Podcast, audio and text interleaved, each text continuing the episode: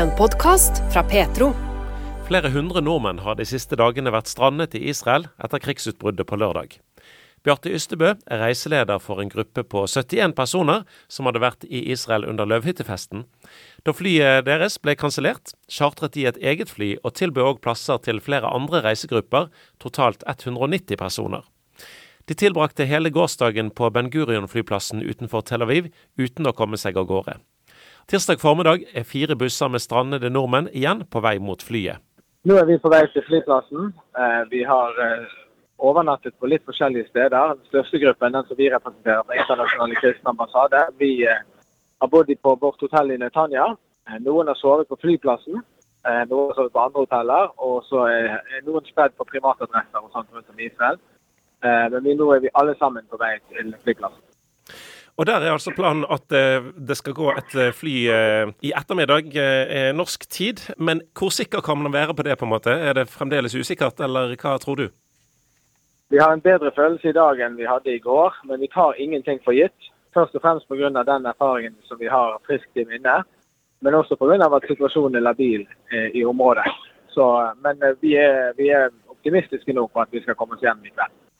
Eh, dere har jo, eh, etter det jeg har forstått, hatt eh, med din gruppe, som, som du er reiseleder for, på ca. 70 personer, for så vidt hatt greie dager på hotell i, i Natanya, et område som er relativt trygt, selv om dere har vel sett litt aktivitet med helikopter og fly og sånt. Men, men hvordan var gårsdagen og opplevelsen på flyplassen? Nei, Det var jo veldig mye venting, veldig mye usikkerhet og ingen klare svar.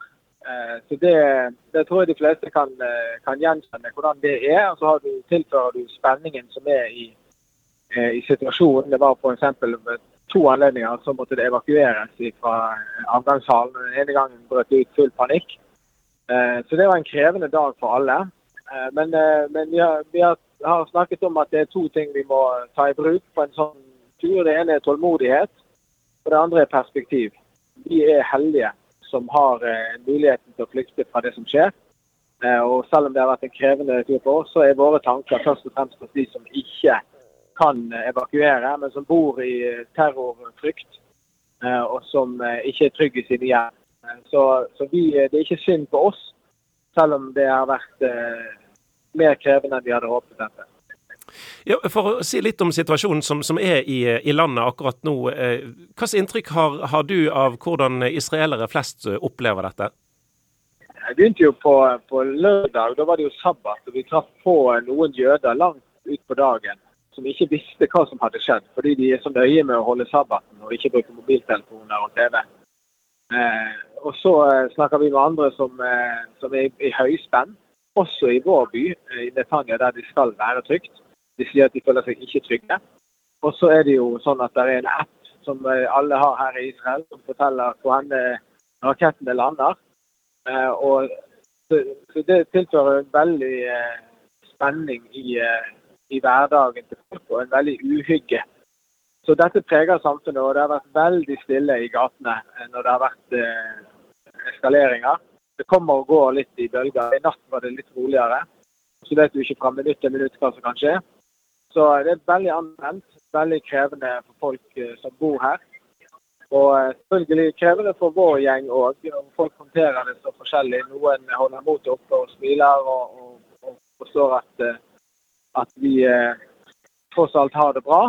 Mens, mens, noen bryter sammen og gråter litt, og vi må trøste hverandre. Så ja, det er veldig, veldig spesielt, hele, hele opplevelsen.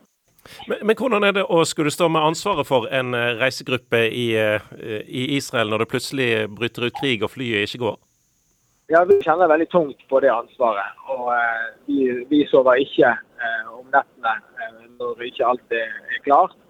Så Sånn er det når du har ansvar for en gruppe. Vi er heldigvis flere. Så, men vi har god hjelp av vår israelske samarbeidspartner, som hjelper oss med all logistikk og infrastruktur her, og busser og og måltider og hoteller og sånt. Så, og først og fremst så har gruppen vår vært fantastisk. De har vært utrolig flinke til å holde motet oppe, holde humøret oppe og støtte hverandre. Eh, så det har vært et vakkert skue eh, samtidig å se en så positiv gjeng under så krevende omstendigheter. Så vi er takknemlige som reiseledere for å, å ha hatt en så god gruppe under disse forholdene.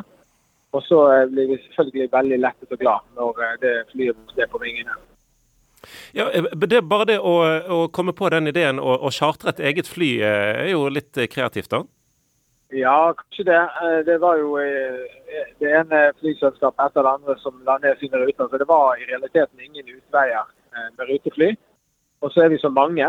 Vi er mange i vår gruppe på 70, så det er uhåndterlig med rutefly, selv om det skulle åpne seg en og annen eh, ledig plass på et fly. Eh, og så viste det seg at vi også kunne hjelpe mange eh, med å invitere folk med på et charterfly. Så med forbehold om at dette nå går som vi håper, så er dette her en lykkelig situasjon for oss. Men vi, vi er avventende helt til vi er kommet opp i luften.